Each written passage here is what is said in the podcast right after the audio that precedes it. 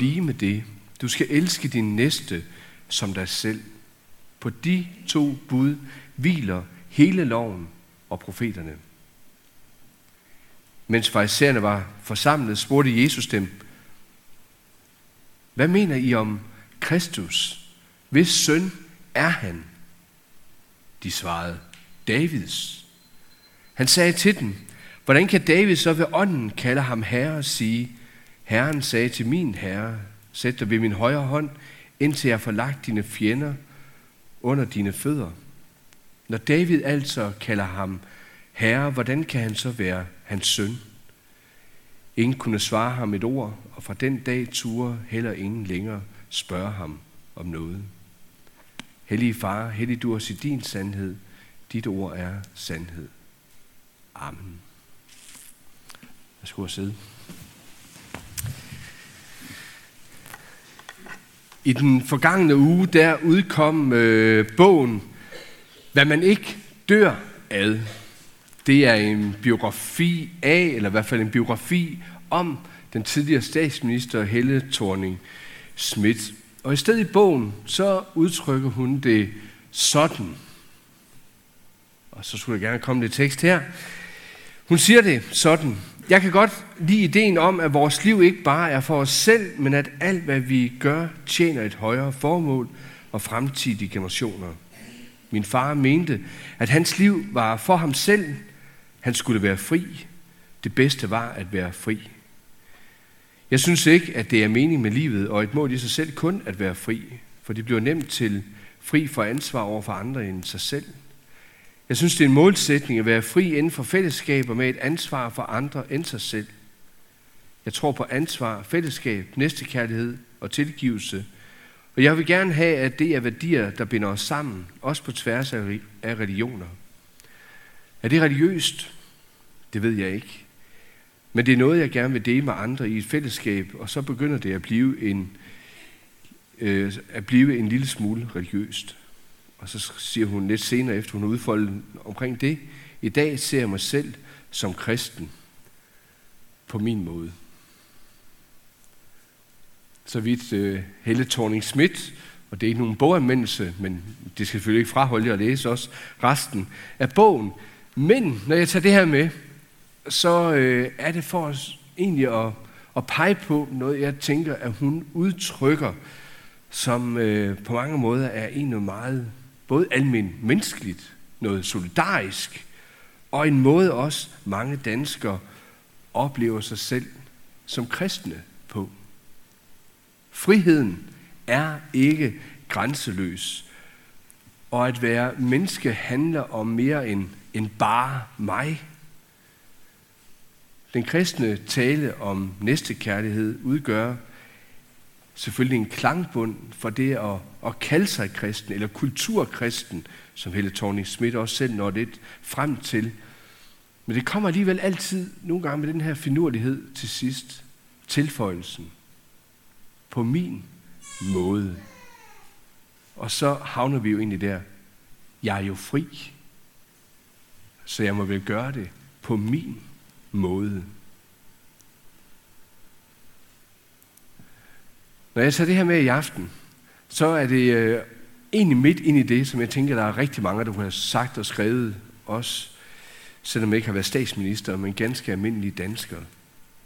Så er det egentlig for at stille det spørgsmål, om den her selvdefinerede frihed er en reel frihed. Er den en sand frihed? Fri til at elske det er som nævnt temaet for i aften, netop med at pege på den her væsentlige kerne i det reformatoriske, som vi gerne vil prøve at sætte fokus på den her måned, omkring frihed. Frie til noget. Jeg tror selve ordet frihed, hvis jeg skulle vælge bare et ord, der nærmest skulle summe hele det, som reformationen står for, ud i, som sagt, et ord, så vil det være ordet frihed, jeg vil vælge. Men hvilken frihed? Når Luther han talte om et kristen menneskes frihed, så bliver det i mange officielle taler, som man kan høre det i løbet af det her år. og som også præger vores tid, demokratiet og det at have en, en menneskelig frihed her i Grundtvigs eget land, det kommer som regel til langt mere handler om en frihed til at være menneske. Nok under ansvar, pligt, med fokus på andre og mange andre gode ting. Blandt andet noget af det, som Helle Tony Schmidt nævner her, og jeg kunne komme med et hav af eksempler på taler, som blev holdt i det her år, hvor på den ene side, jeg egentlig kan ikke anerkende så meget af det, der bliver sagt, men hvor jeg også bare må spørge, er det den rigtige frihed, der bliver talt om? For ofte så bliver det mere, at friheden, den ikke bliver forankret i det budskab, som er det helt centrale i reformationen. Hvad betyder det at være sat fri? Altså det at eje frihed. Dybest set så handler det om at, at være bundet. For sand frihed, det er ikke egenrådighed, men tjener altid noget og står altid i en relation. Vi lyttede til det tidligere heroverfra, da Rakel læste teksten fra, fra Esajas' bog om den almægtige Gud. Hvem kan sammenlignes med ham, eller som det så næsten provokerende bliver sagt fra Guds side, hvem kan sammenlignes med mig, så vi skulle være lige?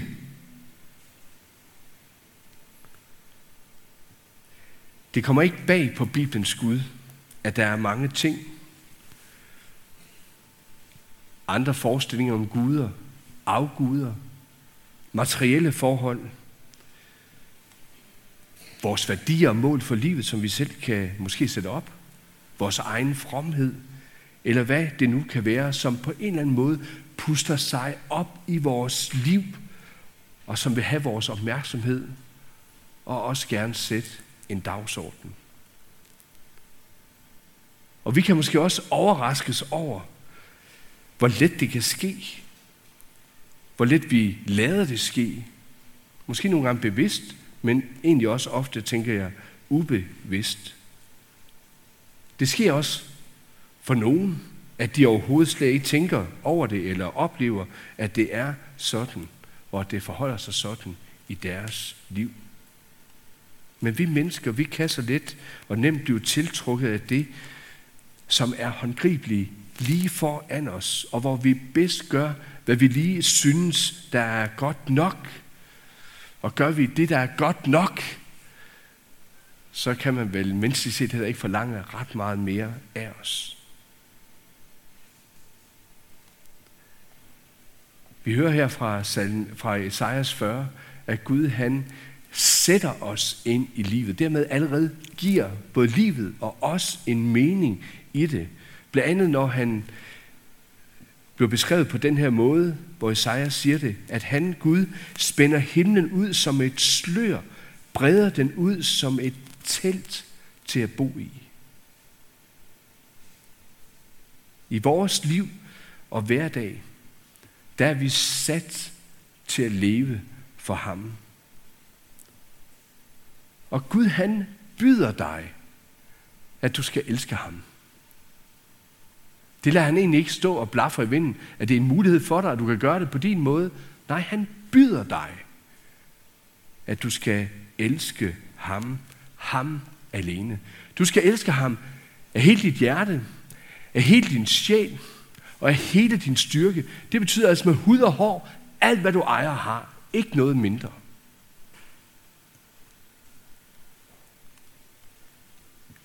Er det frihed? Ja, det er det faktisk. Fordi der er ikke noget menneske, så at sige, der står i ingenmandsland. Der er ingen af os, der bliver sat ind i livet, og vi får sådan et ingenmandsland område at stå lidt i og tænke, hvor er det nu lige, jeg har min frihed hen her? Eller hvad er det nu lige, jeg vil bevæge mig i retning af? Eller at man får en frihed, som ikke har en ramme, eller som ikke har en retning foran sig. For frihed, det er i sin natur at være knyttet til noget. Være knyttet til noget, som man våger at forlade sit liv på. Måske kender du det her billede med, med dragen, der flyver flot og godt deroppe i øh, luften. Ser storslået ud, som om den ejer det hele selv. Og det kan den nærmest kun gøre, fordi den er bundet til noget. Der er en snor nogle gange mere eller mindre tydelig, men hvor der er en, der står og holder den i den anden ende. En drage er ikke fri, men den kan virke, den kan flyve, fordi den er bundet til noget. Den er bundet til en person, som gør det muligt for den at flyve. Den må så at sige være i en relation. Og som menneske, der er vi altid bundet af noget, bundet til noget. Og at være ubevidst om, hvad man er bundet til, for det kan også godt være tilfældet. Det gør jo ikke friheden mere fri, og det gør heller ikke friheden mere til min egen. Et andet sted i evangelien, der kan vi læse en diskussion, som Jesus han har med jøderne, netop omkring frihed, hvor han siger til dem, hvis altså sønnen, Guds søn, får gjort jer frie, skal I være virkelig frie. Den sande frihed kan et menneske, kan du og jeg aldrig finde frem til selv. Men vi kan sættes fri. Og her er Bibelens budskab meget klar, når det gælder om at blive sat fri for det, der kan binde en usundt, afguder, egoisme, synd, skam, djævlen, døden.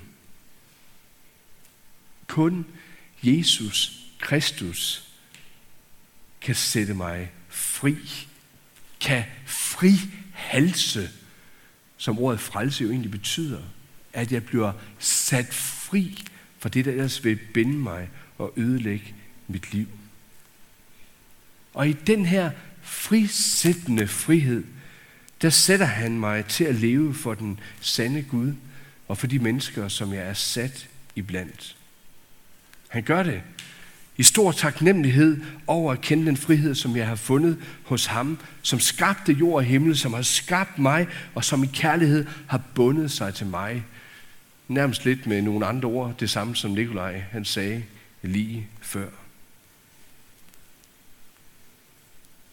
De gode nyheder i evangeliet om, at jeg vil tro på Jesus er sat fri, det kobler mig så at sige tæt til Guds lov om at leve i kærlighed. Og derfor er der også en, et frihedens du skal. Jeg er godt klar over, at det ikke altid opleves sådan. Det gør det heller ikke i mit liv. Jeg kender også godt selv til listerne med de mange undskyldninger. Nogle gange dogenskab, eller selvoptagethed, eller det jeg nogle gange kalder fokusforskydning, så lyder det knap så, så slemt, men det er det jo alligevel. Men alt det er ikke nok i sig til at kan sætte Guds lov ud af kraft, heller ikke i mit liv. I Danmark, der har vi ikke tvangsægteskaber. Jeg har i hvert fald ikke oplevet det endnu. Det viser, at jeg selv har været med til at foretage. Det foregår egentlig altid i stor frihed. Man bliver spurgt om frivilligt, og de fleste brudepar er også selv kommet op og stå der foran alderet frivilligt, men man blev også spurgt om, om man nu vil tage den anden til ægte. Og ja, det første i hvert fald af slagsen, understreger friheden. Men, eller at det sker i en frivillig frihed, men det betyder jo ikke, at kærligheden, så ikke så at sige, at den bare af sig selv er, er fri. Kærligheden er jo i det netop sat ind i en ramme. Friheden den findes og får liv ved at være bundet, så kærligheden den kan leve på en sund måde. Og så er den kærlighed dobbelt, som Jesus han vil lære os det, og som vi hørte her i dagens budskab. Hvis friheden til at elske skal folde sig sandt ud. Lad os prøve at tage det lidt som eksempel. Hvis jeg kun viste min kærlighed i sætninger og praksis over for min kone, og var ligeglad med alle andre, ja, så vil kærlighedslivet for den, jeg er, ikke hænge sammen. Og hvis det var sådan, jeg levede kærligheden ud, så vil det også få indflydelse på den kærlighedsrelation, jeg står i til min kone før eller siden. Hvis jeg kun viste min kærlighed til alle andre, og travlt optaget af at gøre det, og gøre det meget velment, og der kunne siges meget rigtigt om det, men kun i anstrøg, eller som måske nogle gange nærmest bare som noget selvfølgeligt udtrykte kærlighed over for min kone, så vil det, der skulle være kærlighedsliv i mit liv, heller ikke hænge sammen. Der er altså en dobbelt kærlighed. For fokus, det vil blive flyttet, og kærligheden vil lide under det i min nære forbundethed til en anden. Altså den, som er min primære og grundlæggende relation til en anden.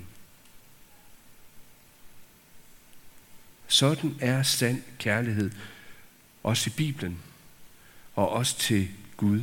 Den er dobbelt. Og derfor taler Jesus om at stå i en levende relation til Gud, og taler om budet om at elske ham.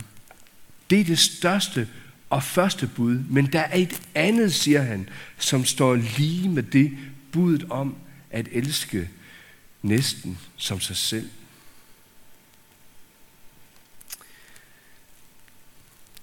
I 1520 der skrev Luther et lille skrift, der hedder Et, krist, et kristen menneskes frihed. Egentlig så var det bare en lille følgehilsen til paven i sådan landet til til syneladet diplomatisk forlig, der måske kunne være indgået, var der nogen, der troede. Luther han brugte anledning til lige at skrive, hvem er egentlig en kristen, eller hvordan bliver man det, og hvorfor skal man gøre gode gerninger? Så tænkte han, leve den tiende. Måske omvender paven sig også ved at høre mit lille budskab her. Det skete jo så at sige ikke, men det blev et godt skrift til os andre i dag. Det her skrift, det har særligt to hovedsætninger. Det skulle gerne komme op her. Det lyder sådan. En kristen er en fri herre over alle ting og ikke underordnet noget. En kristen er ufri tjener i alle ting og underordnet enhver. Lad os bare lade den blive derop. Hvad betyder det her? Ja, det betyder, at i troen på Jesus, så er du en fri herre. Du er sat i frihed. Du har frihed til at være den, du i kraft af Jesus er. Det gælder både nu, det gælder i al evighed. Der er ikke nogen her, der kan kræve noget af dig. Der er ikke nogen, der kan sige, at du skal leve op til noget mere. Der er ikke nogen, der kan berøve dig den her frihed. Der er altså en sand frihed, som gælder i al evighed ved at være bundet til Jesus. Det må man godt ranke ryggen lidt over og tænke, yes, det her jeg er. I kærlighed, der er du en ufri tjener. I møde med Gud, og også i møde med din næste. Du er ikke fri til selv at kunne definere, hvor meget, hvor lidt, hvordan eller hvordan man kan tænke noget ud, så det giver mening for en selv og vise kærlighed. Du er ikke fri fra at kunne gøre en forskel i menneskers liv. Du er ikke fri fra at have et ansvar, pligt, solidaritet eller se muligheder. Guds kærlighed, det er at kende ham. Guds kærlighed, det er ikke en blank projekt til at praktisere kærlighed på egne præmisser eller løsrevet fra Guds ord, som jeg selv prøver at finde en vej i. Hvad kan være godt for mig i mit liv? Eller hvordan synes jeg nu lige det er, at Gud taler om det med kærlighed, sagt med det, jeg citerede i begyndelsen af prædiken, på min måde.